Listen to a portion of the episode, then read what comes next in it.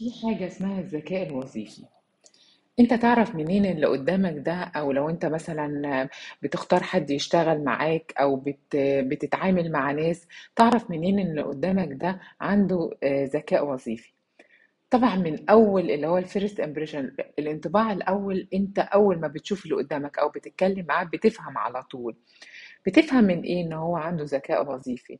بتعرف إن هو سريع في بناء العلاقات بينه وبين الناس آه، بيفهم بسرعة بيفهم الرؤساء بتوعه عايزين إيه بيقدر يفهم بسرعة الناس اللي هم بيشتغل معاهم أو يعتبر المرؤوسين بتاعه بتاع يعني المرؤوسين اللي هم اللي هو بيشتغل اللي هو بيشغلهم أو اللي هو بيديهم الأوامر بيقدر يفهمهم بسهولة.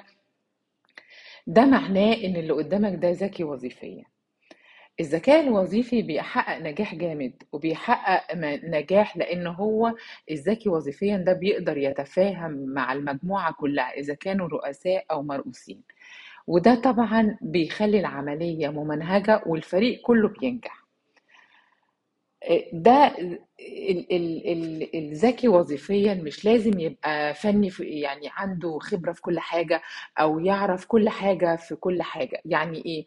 يعني مش لازم يبقى فنيا شاطر لأ. مجرد إن هو يعرف تفاصيل بسيطة عن الشغل اللي, هو مسؤول عنه بس بيقدر يتفاهم كويس مع الناس أو بيقدر يتفاهم كويس ويتصرف كويس مع الرؤساء والمرؤوسين كان دايما في بت- بتتقال إن أنت ما تختارش اللي بيشتغل اللي بيشتغل معاك أو لو أنت بتختار حد علشان يشتغل معاك مش لازم الخبرة بس هي آه، كل حاجة.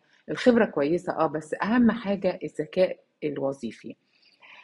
آه، لأن أنت بالذكاء الوظيفي بتقدر توصل للي أنت عايزه وتقدر تحقق نجاح آه، صعب إن أنت تحققه لو اللي معاك ما عندهمش الذكاء الوظيفي ده.